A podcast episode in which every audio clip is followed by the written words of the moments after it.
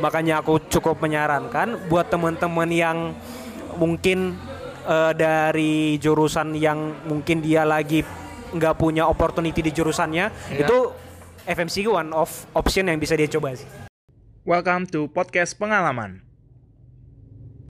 Ya, halo semuanya. Sekarang kita lanjut di episode ke-59 dari podcast pengalaman dan kali ini aku berkesempatan ngobrol bersama teman aku juga. Namanya Derry Kembaran. Halo Der. Yup, halo Pit. Es, akhirnya kita nge-podcast lagi.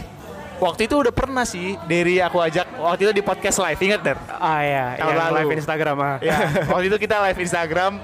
Itu pertama kali podcast live dan waktu itu aku ngajakin Derry di situ. Waktu awal-awal pandemi ya, Der ya? Iya, Waktu awal pandemi. Atau pas di Siantar pula kita. Iya, Mas Dianar. Oke. Sedikit berkenalan dulu, Der. Eh, sekarang kerjanya di mana sih? Oke, eh, kalau sekarang sih kerja di Unilever, Iya. eh, sibuk ya biasa lah Pit, budak korporat. Oke, sebelumnya Der background pendidikanmu apa sih?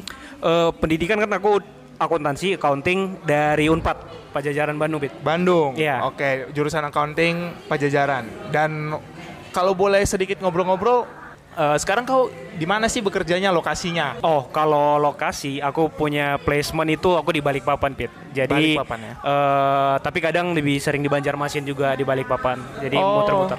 Pindah-pindah. Ya, tergantung di mana enaknya kerja. Sejak kapan Der kerja di Unilever? Aku di Unilever udah hampir 2 tahun sih, Pit. Kan setahun kemarin di Delo, baru Oh, oke. udah satu tahun 8 bulan lah lebih tepatnya. Oke oke oke oke.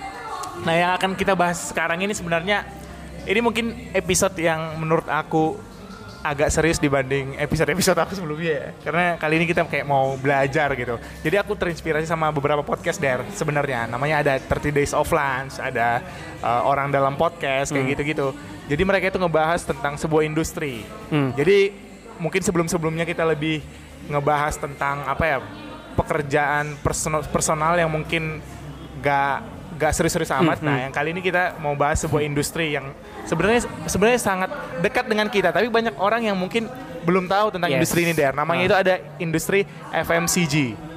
Kalau boleh dijelasin apa sih FMCG itu der? Uh, FMCG itu kan fast moving consumer goods Ya. gitu. Jadi uh, barang-barang atau goods yang fast moving lah, kayak yang kita butuhin sehari-hari. Kan Oke. kalau sabun kita butuh setiap hari habis beli Yes. gitu, rinso, Iya. uh, semacamnya lah. Semuanya bahkan barang-barang itu sangat lekat dengan kita ya. Ya, yang lekat lah dengan kehidupan sehari-hari. Oke oke oke. Nah itu buat teman-teman yang belum tahu atau mungkin memang sudah tahu. Jadi tadi itu sedikit perkenalan dengan topik kita. Namanya adalah FMCG, Fast Moving Consumer Goods. Seperti yang Derry bilang ya barang-barang yang kita pakai sehari-hari ya Derry. ya? Yes, Sangat benar. dekat dengan kita. Tapi banyak orang yang nggak tahu sebenarnya barang-barang yang kita pakai sehari-hari itu ada di sebuah industri yang namanya FMCG. Banyak yang belum tahu soal itu. Nah, waktu 2018 kan kita sama-sama di Jakarta tuh kan, Der? Iya, Ya, benar. Derry masih kerja di salah satu kantor akuntan internasional lah. Katanya masuk di jajaran Big Four lah ya. Udah kayak Liga Inggris ya, Der ya. Iya, before. Nah, itu waktu itu berapa tahun di sana, Der? Kerja? Eh, nggak sampai setahun, Pit. 9 bulan lah lebih Oh, tepatnya. 9 bulan ya? Iya. Nggak sampai setahun ya? Nggak sampai setahun. Padahal kita di Jakarta aja waktu itu lebih setahun kan? Oh, iya, lumayan. Oh, oke oke. 9 bulan di sana. Itu waktu itu sebagai apa, Der? Eh, di situ auditor. Audit, audit associate lah namanya gitu, Oh, staff oke. masih. itu gimana sih Dar ceritanya kok bisa pindah dari sebuah kantor Oh. akuntan internasional ke industri FMCG? Itu gimana ceritanya? Karena memang itu Oh, Oke, detail pekerjaannya sangat berbeda. Itu gimana? lumayan. Jadi exposure-nya emang beda ya. Jadi eh, dulu kan zaman-zaman kita di Jakarta. Ya. Jadi eh, emang dari kuliah kan kalau orang accounting dulu bilangnya apa namanya Pit Eh, pengen jadi auditor gitu. Ah, jadi iya, iya, iya. jadi kalau dulu kan yang banyak kampus rekrutmen itu yang dari kampus Pit. Oh, Jadi oke. kalau misalkan dulu datang ke kampus itu yang pertama datang itu biasanya Big Four. Jadi Oh, misalkan. PwC, Iya, KPMG, iya, iya. Deloitte, makanya kemarin daftar semua tuh. Oke. Nah, kebetulan yang emang pertama dapat itu Delo, prosesnya Delo. paling cepat. Nah, habis masuk Delo eh di salah satunya itu langsung masuk ke Jakarta. Kemarin kita di Jakarta. Nah, habis itu ada ada kemarin itu namanya UFLP gitu. oh, jadi- itu yang Unilever ya. Yes, yang Unilever Unilever Future Leader. Jadi sebenarnya Pit, waktu dikasih temen ada Ya. misalkan mau nyoba UFLP, aku coba gitu. Jadi sebenarnya Oke. aku telat setahun. Jadi untuk UFLP waktu aku Hmm. di Delo, itu aku teman-teman angkatan tes UFLP itu itu angkatan 2015. Oh berarti dalam artian sebenarnya itu untuk yang fresh graduate dong dengan dengan tanda kutip ya, tanda Ya, kutip. Oh untuk iya. yang fresh graduate. Cuman eh, yang punya pengalaman kerja kurang dari dua tahun intinya. Oh, Tapi gitu. kemarin ah, nating tulus aja lah, nggak ada salahnya dicoba. Coba, kan. ya, ah. coba. Nah, jadi masuk dari situ networking lunch ada namanya networking Ya. lunch. Eh, kita dari networking lunch itu Hah? kita langsung masuk ke apa namanya eh, camping, Camping. UCamp namanya, Unilever Kayak, Camp. eh, camp rame-rame sekaligus ini seleksi juga kan? Ya, jadi bukan di tepatnya bukan lebih di camp sih, di kayak villa yang Villa ya? Unilever gitu. Jadi di di villa itu nanti kita dites FGD, eh, terus kita ada tes discussion, ada tes accounting juga, Oke. tes finance, terus prison dan lain-lainnya. Nanti itu di di villanya itu, tapi aku nggak dapet. Jadi aku Oke. gagal di villanya. Kalau boleh tahu Der, itu berapa orang sih yang masuk di UFLP itu? Kalau angkatan aku kemarin tiga orang yang lulus, Tiga orang aja ya? tiga orang. Dari berapa orang kalian ke sana? kurang tahu pak yang networking lunch kan kalau dari yang daftar administrasi lolos Ya. administrasi kita masuk ke networking lunch Ya. Eh, itu kurang tahu berapa orang Oke. cuman yang mas sampai masuk ke UCAM namanya Ya. Itu kurang lebih 30 orang sih Pit. 30 orang dan hanya diambil tiga. tiga ya Oke, benar tiga. Dari waktu itu, eh, itu kan ada beberapa tahapan ya Der ya? Cuma mungkin nggak sampai di tahap akhir berarti ya? Iya benar Oke oke. Itu tadi sedikit perjalanan awalnya gimana Ah. bisa sampai tahu si Yes. Unilever. Nah, yang jadi pertanyaan kenapa waktu itu sempat gagal di UFLP? Nah, tapi tetap masuk ke Unilever mungkin dengan role yang berbeda atau Ah, gimana? itu itu yang yang nggak tahu ya berkat Tuhan juga Wis. loh mungkin ya Gimana tuh, gimana tuh? jadi eh, satu hari setelah UCAM kita kan bareng tuh di di Sarina Iya, waktu Ya, lagi di Sarina. ngebahas bola. ngebahas bola ya. biasa kan malam minggu Iya. tiba-tiba eh, bosku yang sekarang ngechat gitu dia ngechat lo masih tertarik Unilever nggak gitu kan Oke. Ah, pikir-pikir pikir-pikir eh, kenapa nggak dicoba lah gitu masih muda Oh, iya, iya. terus kebetulan kan kerjaan lagi peak season lagi wah ini Hektiknya ya. Iya. di sana oke. pekerjaannya gitu semuanya jadi ya udahlah kita coba nggak ada salahnya juga untuk dicoba kan jadi by the time kita lanjutin dia langsung ngajak interview ketemu puji Tuhan lancar dan akhirnya ya udah signing kontrak Signing as a sebagai apa? asisten manager gitu jadi manager. kalau di level level level assistant manager atau finance business partner Oke, di finance business partnernya dari masuk sebagai asisten manager dan itu penempatannya di luar Pulau Jawa ternyata dari ya. yes bener Pit yang placement aku kan di Balikpapan Oke oke oke. Aku mau tanya nih jawab jujur ya. Sebelumnya kau ngikutin gak sih dengan industri FMCG atau waktu itu bener-bener yang kayak kau bilang nating tulus doang? eh FMCG-nya ya. Iya FMCG-nya. Pak ngikutin sih, kan related juga ke kerjaanku sebelumnya Pit. Oh iya ya. Kan soalnya kalau di audit itu kan pasti ada dibagi per sektor industri. Iya iya. Jadi ada industri FMCG, ada industri eh, manufaktur gitu. Jadi emang udah lumayan familiar lah dengan Lumayan industri. familiar juga ya berarti ya. Benar. Kalau untuk yang tadi kan kau sempat sebut gini, eh nating tulus lah coba gitu. Itu bener-bener coba-coba aja atau sebenarnya aku tertarik banget nih kayak gitu.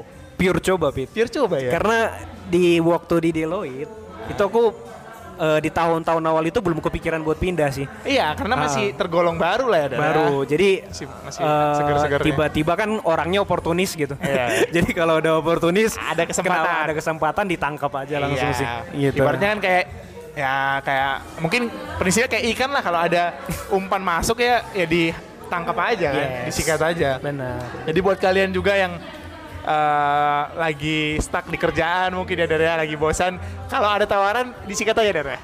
tampung aja dulu Tampung aja dulu nanti ya. ada rezekinya bos Oke oke oke. Tadi udah cerita sedikit dan sekarang Derry bekerja di Unilever sebagai apa tadi asisten bis apa? Eh, asisten manager eh, sekarang finance business partner. Oke lah. ya, di finance business Bisnis partner. partnernya orang sales. Oke oke oke. Itu seperti apa sih Dar? Pekerjaannya seperti apa job desk yang kau lakukan sehari-hari? Oke, jadi eh, kalau misalkan kita mau jelasin agak panjang sih, Pit. Iya. Cuman intinya kita itu ngehandle eh, bisnis proses distribusi barang Iya ya. dari distributor ke toko-toko. Oh, Simpelnya oke. kayak gitu. Simpelnya ya. Jadi eh, semua yang terkait tentang kegiatan sales, Ya. namanya kan sales Hmm. ya, distribusi, itu eh, kita yang handle related to finance-nya Oke oke. payment, budget, kontrol, eh bisnis size-nya distributor. Nah, itu kita yang handle sih. Oke oke. Dengan kata lain, berarti seorang Derry harus sering-sering turun ke lapangan dong? Ya, emang kerjaan menariknya kerjaannya di di situ, Bit. Oh menariknya justru karena turun ke lapangan. Iya. Nah, itu gimana Gitu. tuh? Kok sampai bilang menariknya di situ? Oke. Kalau mungkin kan orang di luar non finance itu mikir orang finance ini freak lah ya gitu. Iya, Jadi iya. Ada hanya gitu depan ya. laptop, Depan laptop, terus eh, serius-serius serius-serius menjurnal, Iya, iya. forecast Iya. gitu. Nah, menariknya dari jobku sekarang ini, Iya. ini aku bisa nemenin tim sales. Oke. Jadi misalkan aku di balik papan, Hmm. tapi misalkan distributor ada misalnya di Berau yang dekat sama Derawan Iya, lagi Derawan, bermasalah iya, atau iya, stock iya. take, ya udah kita ke Berau aja dari Berau bisa ke Derawan jalan-jalan Oh, gitu. gitu. Belum lagi kalau misalkan placement di Bali nih misalnya. Iya, Itu kan sampai ke area Labuan Bajo, sampai Hmm. area itu kan menariknya kerjaan kita gitu. Kita bisa movement sekalian jalan-jalan lah. Oh, Gitu. kalau nggak salah kau pernah yang ke Labuan Bajo sekarang kerja juga berarti? Itu pribadi, Pit. Oh, itu pribadi. bukan kerjaan. Oh, pribadi. Sorry, sorry, sorry. Ah. Kirain ada kerjaan juga, eh. Jadi serunya di situ ya, Dar ya? Iya, Jadi nggak bosen. di di kantor ya. Bener. Nah, perbedaan yang paling signifi- signifikan dengan pekerjaanmu sebelumnya di kantor akuntan itu jauh juga dong ya. Jauh berbeda lah ya. eh cukup jauh berbeda sih gitu. Karena kalau kita di akuntan kan kita jual jasa, Pit. Iya, iya. Jadi eh, kita jual produknya itu financial statement. oke. Tapi ini kita jual barang. Oh, iya, yes, yes. Jadi yes. kalau di akuntan kita jual jasa, di sini kita jual barang gitu. Hmm. Jadi kalau kau nggak beli produk eh, perusahaan kita, ya kita nggak akan gajian. Simpelnya gitu. Oh gitu. Oke oke oke oke. Ah, mungkin ini sedikit flashback juga der. Kerja di kantor akuntan internasional apalagi dengan label Big Four itu kan banyak yang aku dengar itu kerjanya berat ya. Pulang pulang bisa subuh, terus paginya harus ngantor lagi. Itu sudah kau lalui dong ya? Eh, peak season udah dong. Udah ya? Udah sempat satu satu putaran. Kalau kita bilangnya satu putaran. Satu putaran udah sempat dilalui ya. Ah, Jadi iya. mengerti ya rasanya Lumayan jadi seorang auditor itu ya. Lumayan. sangat bisa ah, sangat relevan lah ya kan dialamin langsung. I- kita aja nongkrong kemarin jam berapa di Jakarta? Start itu kita jam 12 Jam malam. 12, jam itu 11. start ya, baru start ya. Selesai nongkrong jam 3 setengah 4 tidur. Bahkan ada di satu waktu Derry sempat pagi langsung lagi rapi-rapi Pasti. berangkat ke Pasti. sana. Kalau di FMCG di posisi modern adakah lembur-lembur seperti itu? Eh, lembur pasti ada pit. Ada ya. Eh, cuman nggak emang nggak se ekstrim nggak se ekstrim waktu kita kerja di accountant public. Oke. Jadi kalau di accountant public itu kerjaannya kan numpuk di peak season namanya. Ya. Nah tapi kalau di low season emang kita nggak kayak gitu. Hmm. Tapi kalau misalkan kita di kerjaan sekarang FMCG Oke. itu kan barang terus mengalir gitu loh. Iya, iya. Jadi eh, kita namanya nggak ada low season. Tapi Oke. kalau di di accountant public kan ada peak season, kita harus dapat berapa klien, rilis Ya. rilis financial statement berapa biji. Nah itu pasti capek sih. Kalau di FMCG sendiri kesulitannya apa dah? Yang kau alamin? Kesulitan gimana dulu Kesulitan ya tantangannya tadi kan kalau si kaitannya dengan yang pekerjaan sebelumnya mungkin dia itu punya peak season dan yang mengharuskan karyawannya lembur bla bla bla dan sebagainya di klien kayak gitu. Kalau di FMCG sendiri tempatmu bekerja ini gimana? Tekanan ataupun uh, tantangannya sendiri? ini? Hmm. Kalau dibilang tekanan Ya. atau tantangan, ini kita ha- ngomong bisnis proses yang secara keseluruhan ya. Maksud Ya. aku pasti setiap bisnis itu ada resiko lah gitu. Iya. Jadi kalau misalkan ada barang yang nggak kejual Oke. atau misalkan kita punya bisnis partner atau distributor yang nggak bayar, nah itu kan pressure-nya di kita, Oke. bolanya di kita. Jadi emang kalau misalkan ada bisnis proses yang bener yang nggak berjalan atau nggak nggak nggak berjalan sesuai dengan yang seharusnya, Ya. ya di situ kita pasti capek sih. Berarti Derry akan turun lah ya. Harus lah. Harus turun ya. Asumsinya gini lah Der. Ada distributor nih, distributor yang punya hubungan dekat lah dengan Unilever juga udah udah menjalin kerjasama dengan cukup lama gitu. Tapi mungkin ada pembayaran yang masih tersendat dengan jumlah yang gak sedikit kayak gitu. Itu pekerjaanmu dong. Iya. Dari jadi eh, kan kayak yang aku bilang di awal tadi aku nge-handle payment itu Pit. Jadi misalkan eh, ya kurang lebih kayak debt collector lah. Iya juga ya. Iya. Jadi Iya, iya, kita kita debt collector yang berjas lah intinya. Iya. jadi kita meeting sama distributor. Dengan mungkin dengan apa ya? Dengan prosedur yang lebih friendly. Benar. As long as bis- eh, salah satu bisnis partner kita juga friendly gitu. Iya, Kan iya. maksudnya kalau emang udah nggak ada intention buat menyelesaikan resikonya, ya mau nggak mau kan kita harus make langkah-langkah yang sesuai prosedur. Sampai Even langkah hukum pun langkah bisa? Bisa jadi sih. Oh, bisa jadi ya. Dan itu udah kau lalui juga kah masalah ini di Kalimantan? Udah pernah? Ada beberapa case, bukan beberapa lah. eh, jangan beber kalau beberapa sering lah Iya. maksudnya. Cuman Ada sekali lah. dua kali kita pernah eh, nyangkut masalah sampai ke masalah hukum lah. Gitu. Oh, dan kau harus ikut di situ ya, Dada? Ya, yang tapi yang berperan utama ada tetap tim legal. Oh, Cuman kan kita ya. supporting data. Betul, betul. Karena Jadi- kau yang tahu ya Benar. datanya berapa. Benar. Berapa kewajiban mereka pun Iya. di situ ya. Yes, benar Pin. Oh, Oke, oke, oke, oke. Kalau untuk kayak pekerjaan sebelumnya dengan pekerjaan se- sekarang ada gak sih kesinambungannya, kemiripannya gitu? Karena mungkin kan kemarin kan auditor. Nah, kalau sekarang ini kayak lebih di lapangan tapi kayaknya aku lihat masih ada hubungannya dengan financial juga kayak yang tadi kau bilang kan. Benar, Pasti. Pasti ada sih Pit. Kalau dulu kan kita ngerjain eh, financial statement kan kita ada forecast, Iya, iya. ada ngelihat difference. Nah, kan sekarang kepake semua tuh. Oh. Jadi eh, tetap kalau sekarang kan misalnya kita forecast sales gitu atau misalkan kita forecast budget atau misalkan forecast payment pun kita Iya, forecast iya. gitu. Jadi eh, itu pasti kepake sih. Tapi yang paling penting menurut aku Excel-nya, Bit. Excel ya. Jadi kalau mau jago Excel itu harus ke KAP dulu, Bit. Oke, itu buat kalian-kalian yang pengen kerja di FMCG, yang pengen masuk, mau terjun langsung, kalian harus punya basic Excel yang kuat ya, Dare. Pasti sih. Harus ya. Bukan hanya FMCG ya. Maksud aku semua finance itu pasti pakai Excel. Oh iya, sorry sorry. Ya ini maksudnya dalam scope finance ya. Benar. Ha. Jadi sebenarnya sangat relate ya, Dare. Jadi masuk akal kenapa waktu itu bosmu itu merekomendasikan kau dan langsung menghubungimu gitu. Mungkin karena memang sudah cocok dengan backgroundmu sebelumnya ya. Eh, mungkin salah satu pertimbangan. Salah satu pertimbangan Iya. juga. Oke oke oke oke. Karena Derry udah bekerja di FMCG nih dalam beberapa tahun ke belakang dan aku juga melihat kayaknya Derry cukup enjoy ya Dar. Karena gini Der, kalau kita ngobrol-ngobrol ini sepengalaman aku lah. Kalau ada orang ngobrol gitu, eh Derry kerja di mana gitu? Dia kerja di mana sih? Eh dia kantornya yang mana sih gitu?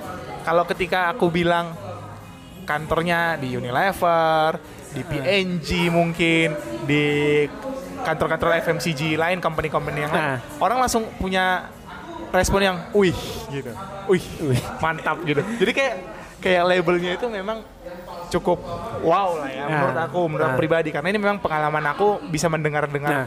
uh, pendapat mereka seperti itu kayak bagus ya, hebat ya kayak gitu. Menurutmu gimana dengan pendapat orang orang-orang itu? Apakah memang benar yang mereka katakan kalau bekerja di FMCG yang udah sebesar ini, yang udah levelnya internasional ini sangat sejahtera kah? Sejahtera ini nanya- nanyain apa nih, Pit? Sejahtera maksudnya sangat apakah en, eh, nyamankah bekerja di sana? Eh, nggak bisa dibilang nyaman tergantung lingkungan kerjanya juga ya. Eh, nyaman ya. Eh, tergantung sih Pit. Eh, tapi kalau dibilang industri FMCG, aku kurang tahu juga di perusahaan lain. Lingkungan pekerjaannya ini enggak sih? Anak muda juga gak sih? Kan banyak orang yang bilang kan kalau yang corporate banget itu kayak masih masih banyak orang-orang tua, kita berhadapan dengan orang tua yang mungkin usianya terpaut 15 sampai 20 tahun di atas kita. Kalau kau sendiri pekerjaanmu gimana? Eh, kalau aku kalau kita ngomongin finance-nya orang muda. Oh, orang muda ya? Iya, jadi kalau orang di finance itu banyak yang sangkatan aku lah. Banyak ya, 2014, 2015, 2013. Tapi kalau misalkan kita ngomongin orang sales, Iya. nah, kayak di aku kan di Kalimantan, Hmm. ya emang mayoritas sudah pada menikah sih. Oh, gitu ya. Iya, Pit. Berarti di lingkup lingkupmu sendiri sebenarnya masih sama anak ada sesama anak muda lah ya? Yes, benar. Gitu. Oke oke oke oke.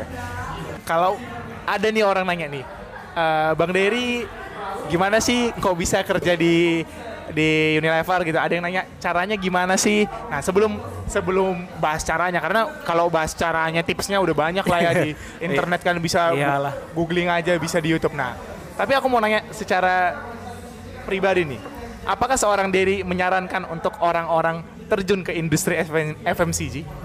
Eh, cukup menarik sih. Cukup menarik. Cukup menarik karena gini, Pit. Eh, menurut aku salah satu bisnis yang punya going concern Ya. selama perusahaan itu bisa eh, apa namanya berkembang atau berinovasi eh, FMCG itu cukup menarik sih Cukup menarik gitu ya. cukup menarik jadi kalau misalkan aku saranin eh, patut dicoba lah Kalau aku sih mikirnya gini adalah orang banyak yang mungkin tertarik atau yang belum tahu. Kalau aku sendiri sih mikir tertarik karena memang produk-produknya itu dekat dengan kita. Aku Benar. masih sesederhana itu aja mikirnya karena memang barang-barangnya kita kenal, udah dekat dengan kita. Itu yang membuat aku kayak ini kayaknya industri yang cukup menarik gitu. Sangat Bener, Bit. disarankan. even kalau misalkan uh, ada yang nanya eh, kau kerja di mana gitu Iya. kata misalkan ada keluarga atau misalkan kita ngobrol sama orang Unilever pak Iya. eh, PNG pak eh, Wings pak Mayora pak mereka apa itu katanya Iya.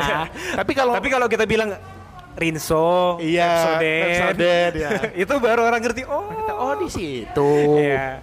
Karena lini produknya udah berapa sih dari sekarang kalau dari Unilever udah berapa sih? Kalau ada nggak angkanya gitu? Udah berapa? kurang. Tapi SKU itu banyak banget sih pasti Pit. Banyak banget ya. Tapi Nanti kita googling. Iya, dan kalau nggak salah Unilever ini udah salah satu yang paling besar di dunia kalau salah hampir di 200 negara ya. Dia udah Yes. udah ada Benar. Unilever ini. Jadi memang wajar sih Der kalau ada orang yang bilang kerja di mana di Unilever.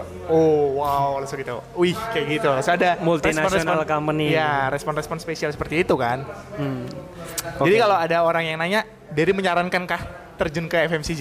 Eh, cukup menyarankan sih. Cukup menyarankan. Karena punya prospek terus lumayan settle gitu. ya? Yes. Dan itu tadi kayak yang Dery bilang, ketika kesempatannya datang dan kita juga harus rasional kan membandingkannya dengan pekerjaan sebelumnya. Pasti harus. gitu. Jangan sampai downgrade lah. Jangan sampai downgrade. Jadi waktu kesempatan datang ternyata Dery melihat, wah ini kayaknya peluang peningkatan karir yang cukup cukup eh, bagus nih Iya, ya. benar. Kenapa gak dicoba? Setuju. Itu. Jadi buat teman-teman juga jangan mikir, oh ya udah, gue mau cabut nih mau masuk ke FMCG, enggak, tetap bandingin juga. Pasti di compare. Jangan terlalu terburu-buru gitu. Iya. Nanti siapa tahu udah udah pengen kali cabut ya Iya. ditekan bos gitu. Tapi tetap harus di compare lah. Jangan Iya, sampai downgrade. Tetap di compare dan ya lihat situasi juga kalau memang kalian pengen terjun ke industri yang baru, menurut aku ini kan kalau orang mau masuk di FMCG kan nggak semuanya yang pernah di FMCG termasuk dari kemarin Iya, kan. benar. Karena memang bisa dari industri-industri yang berbeda. Bahkan mungkin yang jauh banget pun bisa aja kan, Der. Iya. Karena nggak ada ada gak sih persyaratan yang mungkin mengharuskan seorang karyawannya ini mungkin harus di background FMCG? Ada gak sih? Enggak, Pit. Jadi gini, Pit. Menariknya kenapa aku sangat menyarankan industri FMCG ini, Pit. Ya. Eh, kita nggak usah ngomongin finance lah, kan kebetulan aku finance kan. Kalau finance ya background finance Iya, pendidikannya. Cuman kalau kita ngomongin sales, ini semua major Pit. Ya. Jadi semua jurusan di perkuliahan itu diterima sih. Jadi kalau misalkan aku punya teman-teman sales sekarang tim tim sales kita bilangnya tim customer development, itu mereka itu jurusan itu dari backgroundnya berbeda-beda. Oke, oke. Jadi ada dari jurusan teknik kimia, Oh. ada dari jurusan hukum. Jadi makanya aku cukup menyarankan buat teman-teman yang mungkin eh, dari jurusan yang mungkin dia lagi nggak punya opportunity di jurusannya, Iya. itu FMCG one of option yang bisa dia coba sih. Karena memang nggak ada yang pakemnya gitu dari harus jurusan ini nggak ada ya. Yes, terbuka benar, ya, sangat terbuka, terbuka. sangat Nah, terbuka. Tuh buat teman-teman juga yang pengen terjun udah ini udah sangat oke banget informasinya dari Derry karena memang nggak ada background yang diharuskan ya. Iya, Kalau kita Bebas. ngomongin s- customer development sales, Iya, marketing, itu teman-teman di sana tuh bukan hanya dari jurusan eh, marketing atau dari Iya. sales, tapi dari semuanya. Cukup disarankan. sangat disarankan ya karena Yes. peluangnya juga cukup besar. Oke Betul, oke. Pit. Nah kita udah bahas tadi cerita-cerita Derry gimana, terus background perusahaan dan tadi sempat uh, menyinggung soal pendapat Derry tentang industri ini juga. Nah nggak asik kayaknya kalau kita nggak ngobrol tentang barangnya nih karena menurut aku barangnya barang-barang yang ada di industri FMCG ini kan memang sangat dekat dengan kita sebut aja Rinso, Hmm. Pepso dan semua yang kalian konsumsi konsumsi di rumah bahkan sampai alat-alat kecil-kecil yang perintilan kecil pun dari situ gitu. Ya, benar, Nah, kita pengen tahu dari gimana sih caranya sebuah barang itu dari produksi distribusi sampai ke tangan kita konsumen. Itu gimana? Oke. Kira-kira? Kalau dibilang industri FMCG kan sebenarnya kalau besarnya itu manufaktur, Pit. Iya, ya. Jadi kita yang ngebuat barang, Oke. kita juga ngejual barang, Pit. Iya. Jadi eh, prosesnya intinya tetap dari proses supply chain lah. Oke. Jadi eh, dari supply chain kita ada pabrik Iya. rata-rata mungkin kalau di Indonesia punya pabrik di Cikarang atau di Surabaya lah Iya. intinya gitu atau di Karawang industri FMCG. Nah, setelah kita ngebuat produksi barang itu eh, kita pasti akan ngedistribusinya ke distributor namanya. Oke. Jadi kalau di, di Indonesia tuh punya peraturan eh, perusahaan manufaktur itu nggak bisa langsung mendistribusikan barangnya ke end consumer Oke. tapi harus dari via third party dulu. Kita bilangnya distributor. Hmm. Nah, dari distributor itu baru kita jual ke toko-toko. Toko-toko ini toko-toko seperti apa, Del? Toko-toko kita biasanya bilangnya ada channel, Pip. Channel Jadi ya? kita bilangnya di di nggak tahu terms di ke- perusahaan lain apa, cuman Ya. kalau kita di perusahaan sekarang itu bilangnya channel gitu. Jadi kita bilangnya ada toko eh, mini, Iya. mini minimarket, Oke. supermarket, terus ada grosir Hmm. gitu. Nah itu kita bilangnya channel gitu. Nah itu dia dapat barang itu dari distributor. Oke. Dari distributor ke toko itu nanti dia baru ke end consumer. Oke, oke, oke. Jadi eh, siklus bisnisnya gitu, gitu. Nah, jadi dari toko ke end consumer itu nanti disupport. Biasa kan ada namanya tim marketing yes. yang ngurusin iklan. Nah, itu Oh, ada juga tim marketing. oke. Terus yang ngebuat promonya gitu. Ada juga tim yang ngatur promotion guideline-nya gimana. Oh, gitu. Gitu. Kalau tadi Derry berarti ada di di step distributor itu ya? Yes, Iya. benar. Jadi eh, kurang lebih aku akan nge-handle proses bisnis yang dari distributor ke toko-toko. Oke, oke, oke, oke, oke. Karena kan itu related to sales. Karena aku sekarang bisnis partnernya tim sales. Iya. Jadi orang tim sales Unilever akan coba menjual itu dari distributor ke toko-toko. Oh ya. Gitu sih, Pit. Derry juga sempat cerita dulu pernah terjun dalam waktu beberapa waktu eh, ikut ke tim sales ya Derry ya? Pernah ya? Punya pengalaman Pernah, ya? pasti Nah, pernah. Kan tadi kebetulan Derry berpartner dengan tim sales nih. Kalau Ah. tim sales ini pekerjaannya seperti apa sih, Der? Boleh Eh, sharing dikit nggak? Boleh. Jadi kalau tim sales ini, Pit, biasanya itu mereka itu akan terjun langsung ke lapangan, Pit. Oke. Jadi kalau bisa kita bilang kalau di Unilever itu bilangnya tim customer development. Kalau kita biasanya bilang tim sales gitu. Jadi tim sales ini biasanya akan langsung terjun ke lapangan. Oke. Mereka itu biasanya kalau di kantor sekarang aku itu mereka itu partner sama distributor. Jadi di setiap distributor itu punya tim salesnya Unilever satu Oh, orang. Oke. Nanti di bawah tim sales ada dia salesman salesman nanti di bawahnya. Oke. Nah, jadi biasanya tim sales ini nih mereka pit apa ya? Garda terdepannya FMCG lah Iya. bisa dibilang gitu. Jadi kalau kita produksi barang banyak 100 karton, 200 karton, berapa ratus karton, tapi kalau nggak kejual ke toko atau ke end consumer kan sama aja. Mereka ujung tombaknya berarti. Mereka ujung tombaknya pit. Jadi perusahaan FMCG ini ujung tombaknya itu adalah pasti tim sales Tim sales. gitu. Jadi eh, itu yang harus kita jaga. Makanya Betul, mungkin betul. faktor itu Pit tadi tim Apa? sales itu orang yang berpengalaman gitu. Oh iya tadi yang Udah pada menikah. Derry bilang udah pada menikah, mungkin Ah. backgroundnya udah lebih senior ya, Der ya? Iya, benar. Karena butuh pengalaman jam terbang ya. Jam terbang lah pasti. Oke oke oke. Jadi saling ini saling berhubungan ya memang ya. Iya. Oke. Jadi oke. kalau tim sales itu nanti mereka kadang nge-share ke kita sekarang kan share di grup baru visit dari seberang sungai dia dari dari rakit-rakit mobilnya dinaikin ke rakit-rakit gitu. Jadi emang cukup menarik Berarti Tim kalau yang Derry bilang tadi eh, sering jalan ke kota-kota lain, kalau sales lebih gila lagi dong. Pasti kalau aku kan mungkin hanya mentok sampai distributornya aja gitu Iya. distributor which is itu di tengah kota biasanya Oke oke. tapi kalau orang sales kan harus ke toko-toko Sampai ke desa ya, ya? even sampai ke pertambangan ke Oke. perkebunan itu pasti mereka harus ngecek kan Iya iya. eh, marketnya mereka itu gimana Oke oke oke oke sangat sangat sangat ringan sangat sangat ringan dan mudah dimengerti ya. Iya. Jujur aku juga waktu pertama kali ngajak Derry ini aku gak terlalu mengerti soal FMCG tapi aku sempat ngulik sebentar aku dengar-dengar cerita Derry juga ternyata memang seru karena memang ya itu tadi aku bilang gak gak serumit yang kita bayangkan karena memang barang-barangnya itu tadi udah terbiasa dekat dengan kita jadi Ya. kita sangat mudah menerimanya kayak yang Derry bilang mungkin kayak kalian beli Pepsodent gitu, beli Rinso di warung, warung kelontong yang paling dekat dengan ru- dekat Iya. rumah kita aja. Kita dulu nggak pernah mikir kan, ah dari mana ya barang ini datang ya?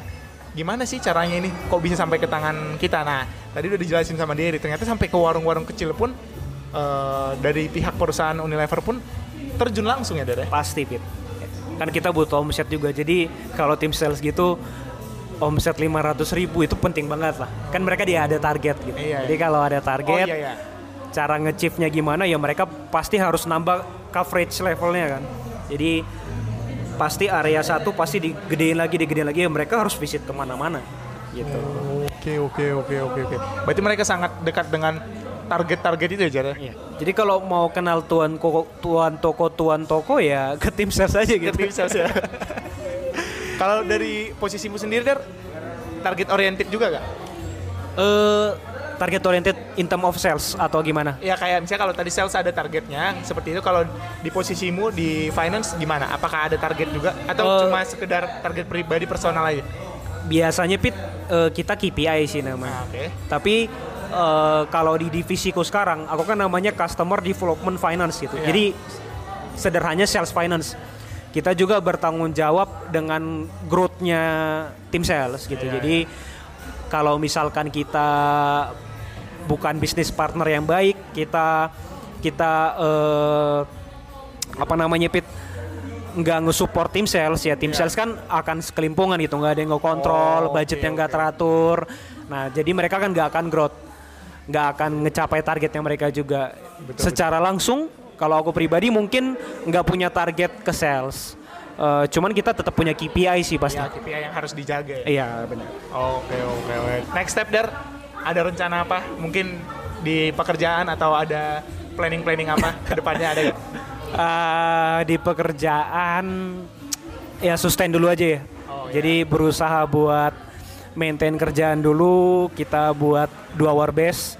Ya kalau yang lain apa sih planning kita berarti? Oh, Paling oke. nikah atau apa gitu. Oke, itu nikah itu personal ya. Personal. Personal. Tapi kalau untuk sekarang ya masih ini aja deh ya. Bekerja reguler aja lah Iya, ya. benar. Reguler ya. Nggak terlalu gimana-gimana kan. Kali aja mungkin ada target kenaikan karir gitu belum. Mungkin harus nunggu sih. Ya harus dua base lah. Kita nggak bisa Iya, iya. nggak bisa ngomong apa-apa lah. Betul. Apalagi nanti kan Derry ada rencana pindah kota ya kalau nggak salah ya Dara. Ya, jadi salah satu yang menarik di perusahaan aku sekarang, Pit, kita itu punya konsep atau punya framework. Iya. Kalau misalkan 70% itu development itu dari on the job. Oke. Jadi Unilever berusaha buat ngasih karyawannya untuk bisa menerima banyak role gitu. Jadi bukan hanya maintain di satu role aja. Dengan Saat- kata lain eh, orang itu bisa eh, bisa punya kemampuan banyak lah ya. Agree. Banyak bidang Jadi ya. kalau misalkan kayak aku bilang contohnya finance, finance itu kan bukan hanya sales finance saja, Ya. tapi kayak ada commercial finance, supply chain finance di pabrik, eh, ada accounting juga. Oke. Nah itu kalau bisa emang kita belajar di sana kan cukup bagus. Oke oke. Mantap. Nanti dengar-dengar kabar juga Derry mau ke BSD ya, ya?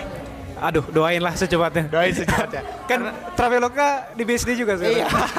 nanti di tetanggaan. Kalau beneran nanti udah pandemi selesai kita udah ngantor lagi kan asik tuh kan. Kantor satu lokasi sebelahan gitu kan. Pit, kan asik. mana makan siang? Iya bisa makan siang bersama di daerah Serpong dan sekitarnya juga kan. Jadi thank you buat Derry udah meluangkan waktunya Yup. ya ngobrol-ngobrol di podcast pengalaman. Makasih Der. Buat teman-teman juga yang udah dengerin podcast ini itu udah uh, sebagian besar informasi disampaikan dari, dengan akurat oleh Derry yang Derry yang udah terjun di industri itu kan ya. Buat Yap. kalian yang mau ikutin sosial media Derry di mana Der? Dari Jeremia biasa. dari Jeremia kalian bisa lihat lah. Tapi Derry gak terlalu sering sih update-update soal pekerjaan ya. Tapi ya kalau kalian mau lihat sosial medianya di Derry Jeremia, jangan lupa kalian juga uh, follow podcast pengalaman. Kalau kalian suka episode ini atau episode-episode sebelumnya, jangan lupa share di Instagram atau sosial media kalian dan jangan lupa tag di podcast pengalaman. Oke Der, thank Sip. you banget buat waktunya Der. Yup. Sama-sama Pit. Sukses podcast pengalaman. Widih. Makasih buat semuanya. Sampai ketemu di episode selanjutnya. Yup. Bye-bye. Bye.